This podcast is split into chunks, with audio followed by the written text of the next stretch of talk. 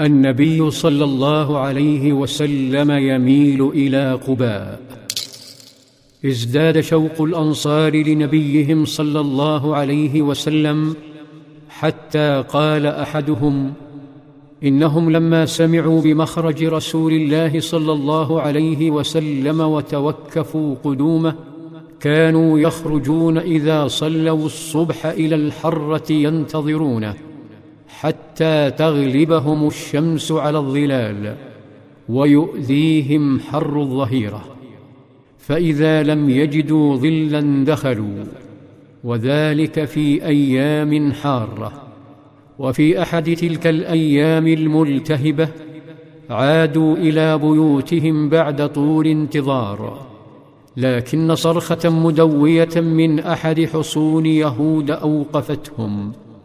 أخرجتهم من بيوتهم وجعلتهم يحملون السلاح فعلى أطراف يثرب يقع حصن يهودي يحوي حاراتهم المغلقة المليئة بالأسرار والمؤامرات.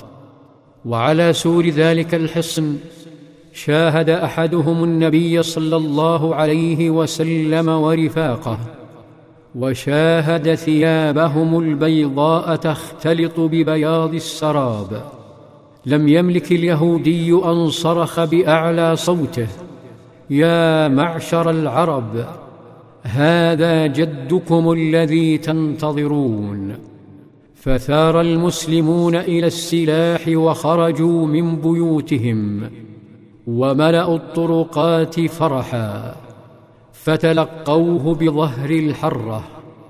لم يتوقف صلى الله عليه وسلم ولم يدخل يثرب بل مال بأحبابه يمينا إلى قرية صغيرة للطيبين بني عمرو بن عوف تدعى قباء.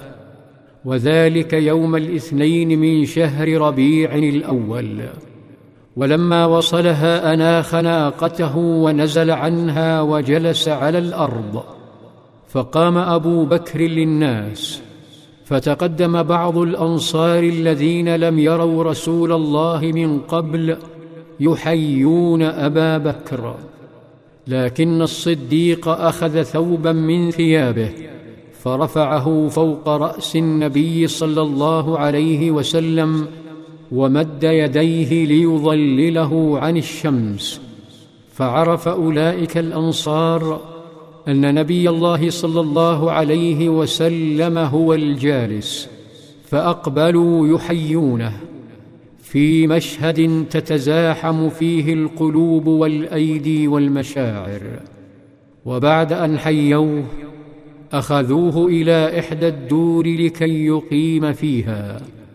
كانت قباء تبتهج بحبيبها تستنير بخطواته وهيبته وجلاله وكان بين تلك الجموع عينان تحدقان بحقد في ذلك المشهد عينان تكرهان ما يحدث انسل صاحب العينين كخنجر وانطلق مسرعا نحو مزرعة ابن عمه اليهودي. ولما دخلها وجده جالسا تحت نخلة وفوق رأس النخلة عبد أبيض البشرة غيرته الشمس وشققت الغربة والشقاء والعبودية أقدامه ويديه وهو يخترف رطبا وقف اليهودي أمام ابن عمه فأخبره الخبر. فأظلمت الدنيا في وجهه وقام من مجلسه فزعا. أما العبد الأبيض فارتجف قلبه واهتزت يداه وبدنه حتى كاد يسقط من رأس النخلة. في ظلال السيرة. في ظلال السيره